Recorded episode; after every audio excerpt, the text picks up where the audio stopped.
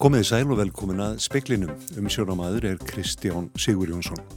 Allir sagborningarnir fjórir í rauðagerismálunu báru vittni með aðstóð túls í hérastómi í dag. Einn játar sök en þrý neyta. Fjóra dagar eftir höld í málunu hófust í morgun. Bóluefnis sem í bóði eru gegn koronavirinu duga gegn alvarlegum veikindum af völdum hennar. Því er ekki þörf á viðbútaskamti, segir í grein sem byrtir í lækna tímaritunni landsett. Framsóknarflokkurinn hefur ekki mæls með meira fylgi síðan í janúar 2015, sangkvæmt nýjum þjóðarpúlsi Gallup. Ríkistjótin heldur velli með naumyndum. Ný rannsókn sínir að 80% fatlaðs fólks eiga erfitt með að ná endum saman og jafnhátt hlutfall þeirra þarf að neyta sér um heilbriðistjónustu vegna kostnæðar. Staða einstæðra fatlaðara fóreldra er enn verri. Skíslutökur fjögur að sagbortninga í rauðagerismálunu í hérastómi Reykjavíkur í dag tóku allan daginn, aðalega vegna þess að tólka þurftu allt sem þar kom fram á nokkur tungumál. Sunna Valgeradóttir fréttamaður fyldist með í domsal í dag. Sunna, hvað kom þarna helst fram? Já, það var náttúrulega bara verið að fara yfir þessa lígilegu atbyrðara svona frá A til Ö. Armando Bekiræ var myrstur fyrir utan heimilsett í Rauðagerði fyrir akkurát sjö mánuðum síðan, 13. februar og flest muna líklega eftir, eftir þessu. Uh, rannsóklauglunar var svakalega umfangsmikil og það var rosalega mikil fjölmjöla umfyllun í kringum allt þetta mál. Það voru 20 manns held ég handtekinn í tengslu við þetta, 14 sagbortningar eða sem höfðu stöðu sagbortning svo einhverjum tíampunkti en semst rannsóklauglu endaði þannig að það voru þessi fjögur sem enduðu sem uh, sagbortningar Og eins og þú sagðir þá eru það þrjú þarna sem neyta sök en sá fjórði, Angelín Starkæ frá Albaníu, uh, hefur játað á mm. sig morðið. En það er ímislegt sem að flækir þetta mál, það er tungumála, eru þið leikar og fleira? Já, þau eru þarna, eh, sest, eh, eina konan sem er ákærið málinu, Claudia Carvalho, hún er frá Portugal, þannig að það var þarna með henni, eh, sest, íslensk kona sem að tólkaði úr portugalsku Svo kallmenninni þrýr, þeir eru allir, allir frá Albaníu þannig að þetta tók alveg gífurlega langan tíma og þetta var flókið og veist á tíma var þetta svo litið langdreið líka vegna þess að, að þetta voru mikið sömu spurningarnar og það var verið að fara þarna yfir um, alls konar fundi, alls konar ferðir, alls konar samtöl, símtöl en bæði er sérst saksóknari Kolbrún Bendötsdóttir síndi líka Eh, myndskeið úr öryggismyndavélum, alls konar myndir og hitt og þetta en, en þetta var langt, þetta voru 8 klukkustundir af bara skýrslutökum. Og þetta heldur áfram? Já, þetta var fyrsti dagur af fjórum, eh, þessu laug núna í dag klukkan 5 og heldur áfram klukkan 9 í fyrramáli og verður svo líka á miðugudag og 5. Sunna Valgeradóttir, takk fyrir. Ríkistjórnin heldur velli með minsta mögulega meirulhuta sangkvæmt nýjum þjóðarpúlsi Gallup. Fylgi framsóknarflokksins eigstum rúm 3% stig á milli kannana. Helstu breytingar á fylgi flokkamilli setni hluta ágústmánaðar og fyrir hluta september er að fylgi framsóknar flokksins ekstum rúmlega 3% stygg. 13% segjast myndi kjósa flokkin færu alþingiskostningar fram í dag en það er mesta fylgi sem flokkun hefur mælst með sín í janúur árið 2015. Þá segjast 22% myndi kjósa sjálfstæðisflokkin en fylgi hans mælist rúmlega 2% stígum lægra enn í síðustu mælingu í ágúst en tekið fram að lækkunin ná ekki að vera tölfræðilega marktæk. Littlar breytingar er á fylgi annara flokka og er breytingin mest um 0,6% stíg. 12% segjast myndi kjósa vinstri græn, rúmlega 11% pírata, 11% samfélkinguna, tefla 10% viðreist, tefla 8% sósilistaflokk Íslands, tefla 8% miðflokkin, um 5% flokkfólksins og hálft prosent frjálslinda líðræðisflokkin. Samkvæmt könuninni mæla stjórnarflokkarnir með 46,7% fylgi, missa 6,1% steg frá síðustu alþingiskostningum og fá 32 þingmenn. Ríkistjórnin heldur því velli. Framsótt fær nýju þingmenn en þó engan í Reykjavíkur kjördæmi norður, það sem ásmundur Einar Daðarsson félagsmálar á þeirra er ótviti. Sjálfstæðisflokkurinn fær 15 menn kjördna og vinsti græn átta, engan í suðu kjördæmi. Yngvar Þór Björnsson tók saman. Vísindamenn á helbriðisviði fullir það í grein í nýjasta tölublaði læknatímaritsins landsett að þau bólefni sem í bóðu eru gegn koronavirnu dugi til þess að komi veg fyrir alvarleg veikind af hennar völdum. Því sé ekki þörf á þriðja skamtinum sem byrjaður að gefa fólki í nokkrum löndum. Meðal höfundana er Anna-Maria Enau Restrepo, yfirmaður rannsókna og þróunar hjá Alþjóða heilbriðistofnuninni. Í greininni kemur fram að þau bóluefni sem stopnunin hefur gefið út leifi fyrir dugi gegn öllum afbríðum veirunar sem þekkt eru þar á meðal hinnu bráðsmitandi delta afbríði. Þetta er niðurstaða höfundana eftir að það var rínt í og fariði yfir rannsóknir sem leikja fyrir á virkni bóluefnana. Haftir eftir enna á Restrepo að þar sem engin þörf virðist vera á auka skamtinum sé næra að nota hann til að bólusetja fólk sem enn hef, hafi ekki átt kosta á bólusetningu en að nota hann án sínilegs tilgangs. Með því móti verði fyrr unnið á heimsfaraldrinum en ella. Miðal annars er byrjað í Fraklandi að gefa eldri borgurum þriðja skamtin á samt fólki með veikt ónæmiskerfi. Ísraels menn hafa gengið enn lengra. Þar í landi stendur öllum til bóða að fá auka skamt sem orðnir eru 12 ára og eldri. Áskil Tómasson saði frá. Starfsmaður forsetta ennbættisins sem gerði segur um kynferðislega áreitni í starfsmannaferði í París fyrir tveimur árum hefur látið á störfum. Yfirmaður kynferðis aðbrótadeildar lauruglunar á höfuborgarsvæðinni staðfesti þetta í samtali við fréttastof í dag að, kæ, að kæra sem tengist forsetta ennbættinu hefði borist lauruglunni. Hann segir að kæran hafi borist í sumar en vildi ekki tjá sig nánarum málið. Í september 2019 varð einn starfsmæður fórsetta ennbætti sinns segur um kynferðislega áreitni og ósæmilega hegðun í starfsmannaferði í París. Sá fekk skriflega áminningu og var sendur í leifi en kom aftur til starfað uppfylltum ákveðnum skilurðum. Sigurður G. Guðjónsson hæstaréttalögmaður rivjar málið upp í færslu á Facebook og gaggrínir aðkomi fórsetans að málunu. Fréttastofan óskaði eftir viðtali við Guðna T.H. Jóhannesson en fekk þau svör að hann myndi ekki tjá sig um færslur á Facebook. Í skriflugu svari frá skrifstofustjóra fórsetis ennbættisins kemur fram að starfsmæðurinn sem gerðis brotlegur hafi í sumar látið af störfum.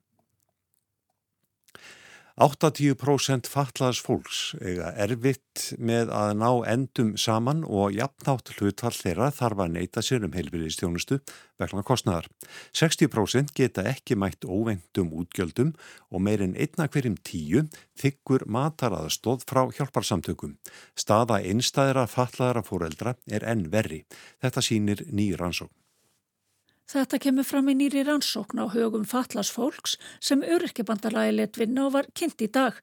Meðal þess að þar kemur fram er að rúmlega 40% fatla fólks þykja fjárhagsástof frá vinum eða ættingum og tæpur fjórðungur segist ekki hafa efni á staðgóðri máltíð annan hver dag. Þar kemur fram mikill vilji meðal fallara til að vera á vinnumarkaði en helsta fyrirstaðan er helsufar og fá hlutastörf. Þá óttast margir að það leiði til tekuskerðingar. Þurriður Harpar Sigurðardóttir, formar Örkjabandalars Íslands, segir það skjóta skokku við að fjárhastaða fallas fólks mælist svo sama nú og hún var skömmu eftir hrun. Þrátt fyrir þetta mikla Eh, hagvastar skeið sem hér er búið að vera síðan hrunni og miklu uppbyggingu þá hefur þeim fjölda fallast fólk sem hefur svona ætti að hafa betra það hefur ekki þokast. Staða einstæðra fallara foreldra er enn verri. 90% ega erfitt með að ná endum saman og hátt í helmingur getur ekki gefið börnum sínum næringaríkan mat eða keft nöðsilegan fatnað. Einstæðir fallar foreldrar með börnum framfæri, þeir hafa langsamlega verst saði þauðrýður Harpa Sigurðardóttir. Anna Lilja Þórisdóttir tók saman. Nánar verður fjallaðum álið í kvöldfréttum sjónvarps. Hundruðum flugferða hefur verið aflýst í Kína og 2000 íbúa stórborgarnar Shanghai hefur verið komið í öruð skjól vegna fellibilsins Tiantu sem nálgast hana. Disneyland skemmtigarðinum hefur verið lokað til morguns. Tiantu myndaðist í síðustu viku millir Guam og Filipsæja og breyttist skjótt úr sakleisislegri lægð í ofur fellibil. Vindtráðin náði um tíma meir en 70 metrum á sekundu en okkur dróur honum þegar óveðri nálgæðis Kína. Kína. Búist er við að ölduhæðin við strand Shanghai nái 8 metrum að sögn kínverskra fjölmiðla. Að þeirra sögn hafa að minnstakosti 28.000 borgarbúar verið fluttir úr hverfum þar sem búa smá við flóðum. Næst hæsta óveðurs viðbúnaðastig er í gildi í borginni. Söðfjórbóndi segir það skjóta skökku við að fárast yfir að söðfjö farið millir almenninga og þórsmerkur þar sem það var skóræktinn sem fjarlæði girðinguna sem afmarkaði þórsmörk.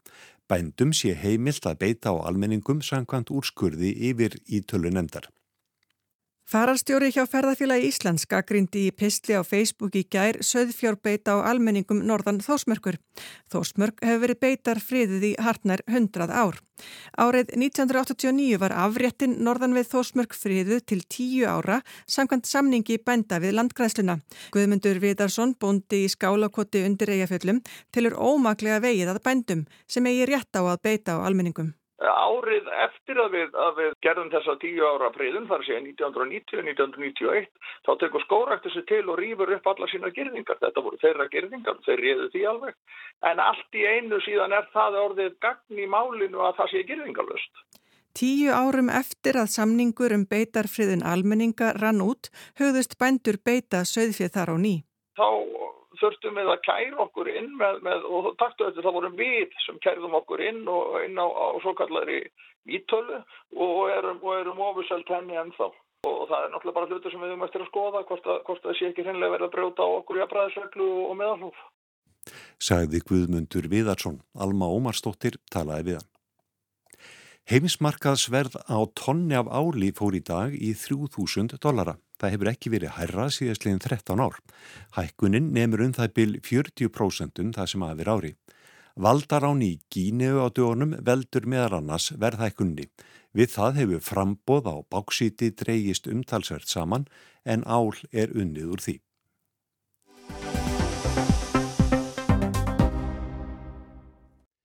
Er einhver eiginlegur kjördagur eftir? Þannig spyrja fræntur okkar norðmenn sig.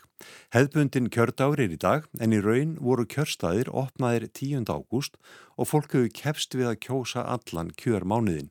Áhín er meir en áður og norðmenn takast á um umhverfi og ólju, byggðastefnu eða bílausar borgir og um hvort hljeverði nú á valdatíð Erdnu Solberg, forsættisráþra, eftir 8 ára setu.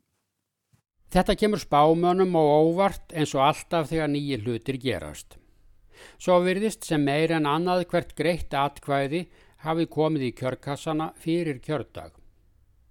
Fólk hefur flikst á kjörstaðina engum síðustu tvær vikur og kosið. Það er áður en allri baráttið lokið úrslitin eftir vil ráðin þegar fyrir kjördag, bara eftir að ofinbera úrslitin. Kjörstaðir voru opnaðir 10. ágúst meir en mánuði fyrir kjördag. Tölur sína að nær 43% atkvæðisbæra manna nýtti sér þennan möguleika kjósa við fyrstu henduleika. Þetta krefst að sjálfsögðu skýringa. Í fyrsta lagi langar fræðimenn að vita hvort það er engum ungt fólk sem kýs fyrirfram. Hefur þá eldra fólk og oft rólindara í stjórnmálaskoðunum beðið kjördags sangkvæmt hefð. Þetta getur haft áhrif á fyrstu tölur eftir lokun kjörstada, þar sem utan kjörst fundar atkvæðin vega þingst. Vitað er að ungt fólk hallast fremur til vinstri, engum í stærstu bæjum. Hér í Óslo segast tveir af þremur kjósanda ætla kjósa til vinstri. Þetta veldur því að allir stjórnmáluleðtóar segast ætla að býða með fögnuð þar til síðasta atkvæði er talið. Það verður áður gerst að sigur hafi snúist í ósigur á lokasprettinum. Þetta á sérstaklega við þar sem nýju flokkar er með frambóðum allt land. Littlum á muna hvort fjórir þeirra falla undir 4% mörkin sem þarf til að fá uppbótarþingsæti. Og svo er hugsanlegt að hér aðslistar komist að með kjördama kjörin þingmann. Þetta veldur óvissu um úslitin og þingmann að fjölda hvers flokks að lokum. Síðustu kannanir fyrir kostningar síndu töluverðan mun vinstri flokkonum í hag og stuðningsflokkum Ernu Solberg fórsættisráþra að samaskap í óhag hlutvöllin jafnvel 60% á móti 40.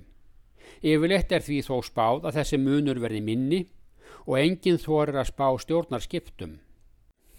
Líklegast er þó í ljósi skoðanakannana að Jónaskar Störu, formaður verkamannaflóksins, verði næsti fósættisráðra. Óvissan snýst meðal annars um hvernig eigi að tólka þannan mikla og óvenjulega áhuga fólks á að kjósa utan kjörfunda. Utan kjörfunda atkvæðin því ekki endilega fleira ungt fólk hefur kosið nú en áður. Það getur líka verið að fólk sem annars hefur alltaf setið heima hafi kosið núna. Til skýringar er nefnt að fólk óttist pestina, COVID-19. Á kjördegi myndast oft byðraður og hér eru enni gildi takmarkanir á samstöðu fólks minst einn meter milli manna í byðröð. Til að forðast byðröðir er best að kjósa snemma. Önnur einfaldari skýring er að það mun auðveldara nú en áður að kjósa þegar hendar. Kjörstaðir voru reynd opnaðir fjórum vikum fyrir kjördag, það þarf ekki lengur stimpil fókjet eða hrepstjóra á atkvæðið og senda það í flugposti til afhendingar á kjördag. En önnu skýring er og langsóttari að þetta er ef til vill tíman að tákn. Fólk er ekki lengur vant því að allir geri allt þið sama á sömu stundu. Áður leið tímin í beitni línu, kostningabaróttan var tímalína sem náði hámarki á kjördegi. Kjördagur var sameigilegur hátíðistægur allra og aðeins þeir sem ekki áttu annar að kosta völ kusu fyrir kjörfund. Núna er hægt að tala um hlaðvarpskynnslóð sem hlustar á hvað sem er hvena sem er, hlustar á fréttir þegar það hendar og kýs þegar það hendar. Það er því tíman að tákn að í framhaldsskólum hefur alltaf verið frí á kjördag. Núna er líka kjördagsfrí en það er ekki endilega á kjördag. Bara einhvern dag á önninni þegar það þykir henda. Svo er spurning hvort þjóðháttíða dagsins býð ekki sömu örlög að hann verði haldinn hátilegur einhver tíman þegar hverjum og einum hendar. Saði Gísli Kristjánsson í Óslo.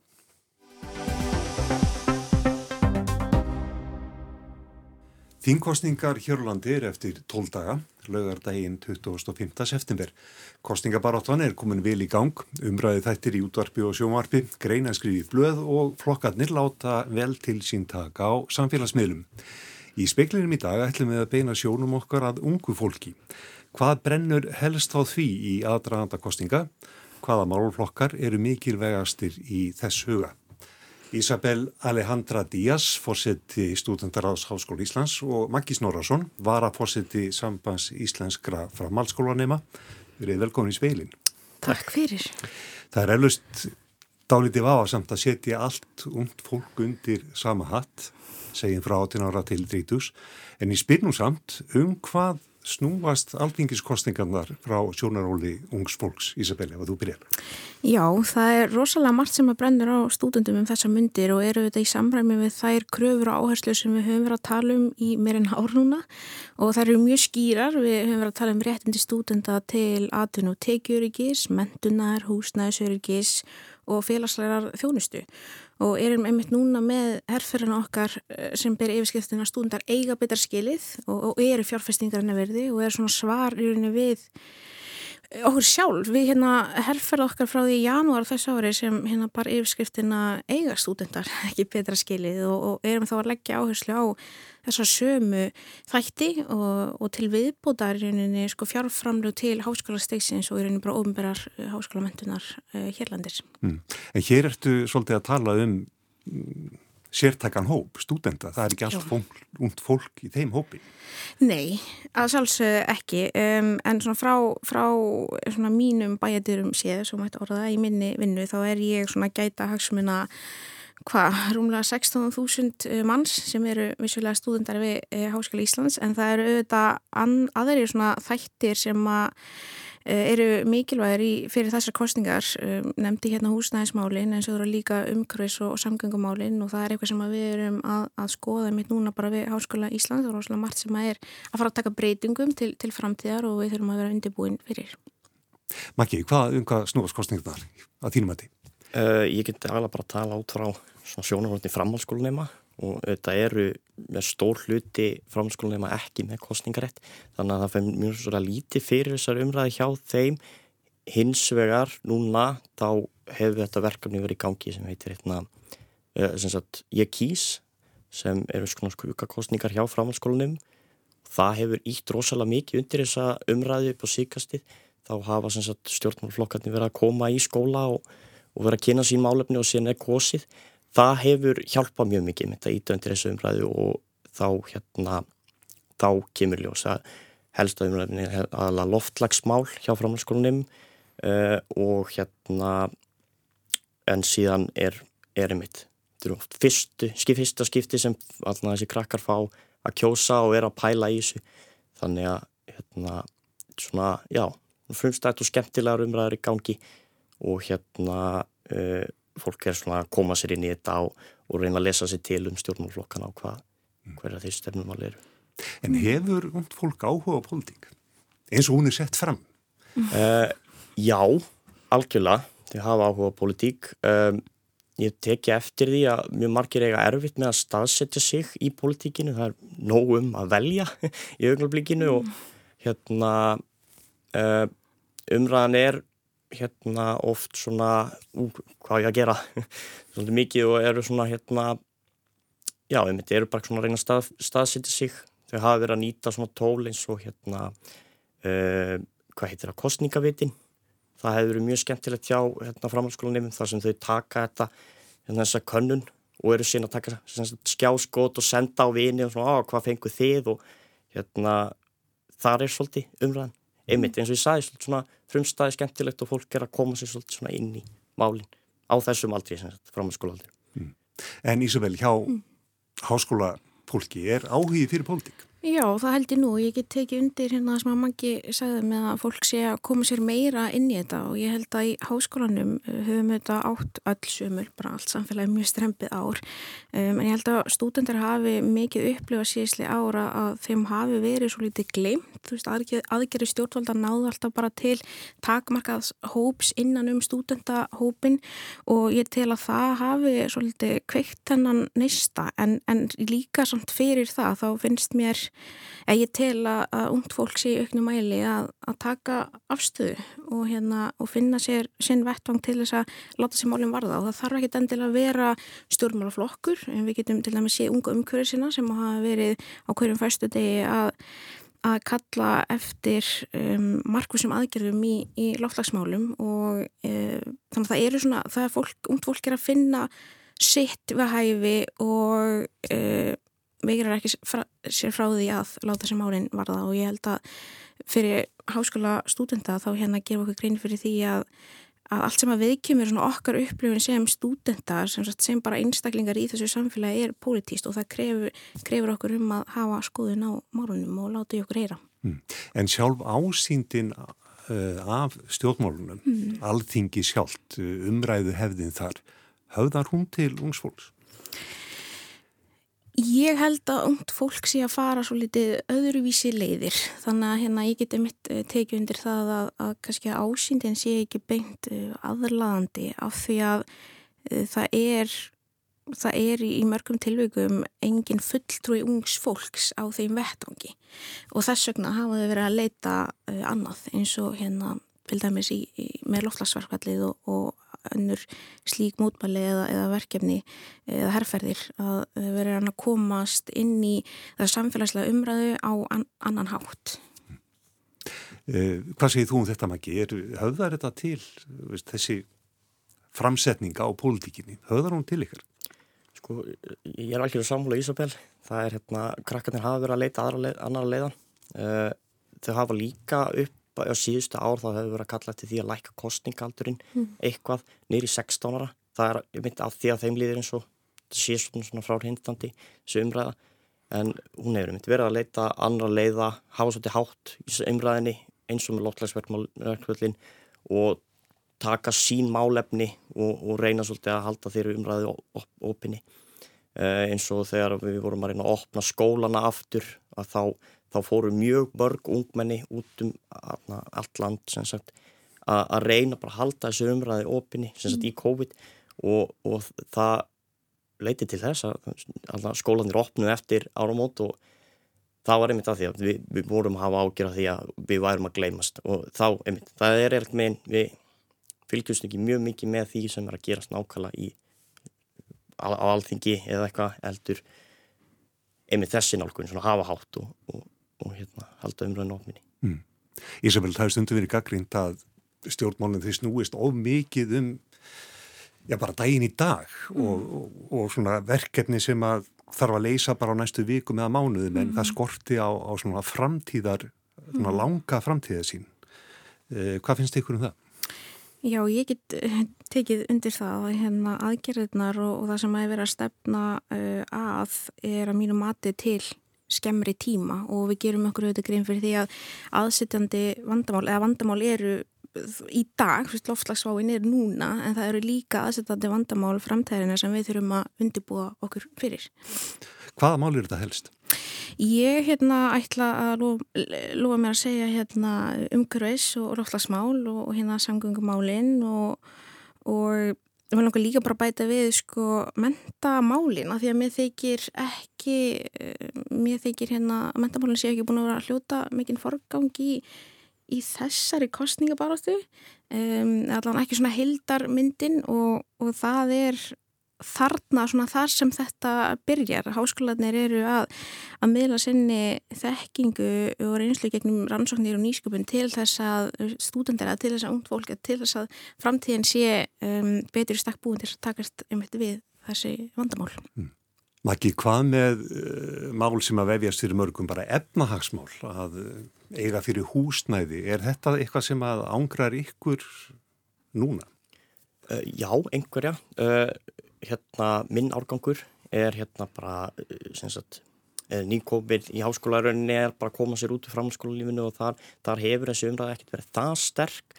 En núna þegar fólk er komin svona tvítugt þá fer það mjög mikið að pæla í hérna húsnæsmálum og, og hvernig það er að fara að standa sig í atvinnulífinu og fleira. Og þá, þá já, mitt kemur þessi umræða mjög stert inn í minn árgang.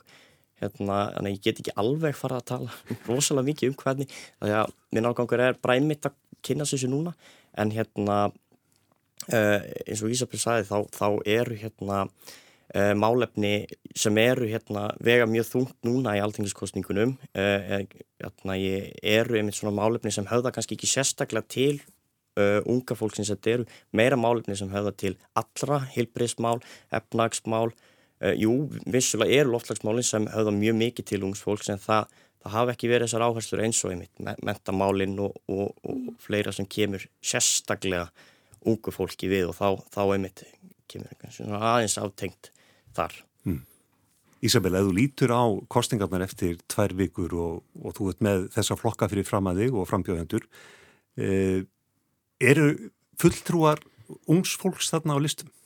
Já, það eru ungir frambjöðendur og ég tel að á stjórnmálaflokkuna séum mitt búin að vera að uh, vinna markvist í, í því að fá ungt fólk með sér í lið og gera sér eh, þá grein fyrir því að það, það sé engin fulltrúi á, á þingi sem getur tala fyrir ungu fólki um, og ég er unni bara hlakka til þess að sjá hvernig, hvernig þetta fer. Mikið af þessi fólki eru þetta svona fólk sem hefur verið í, í háskólanum eða er í háskólanum og er að taka þátt í umræðinni þar þannig að um, það er alveg, alveg ljóst að, að þau hafa mjög mikið fram að færa í, í umræðina og, og geta eh, látið gott að sér leiða í, í þessum efnum.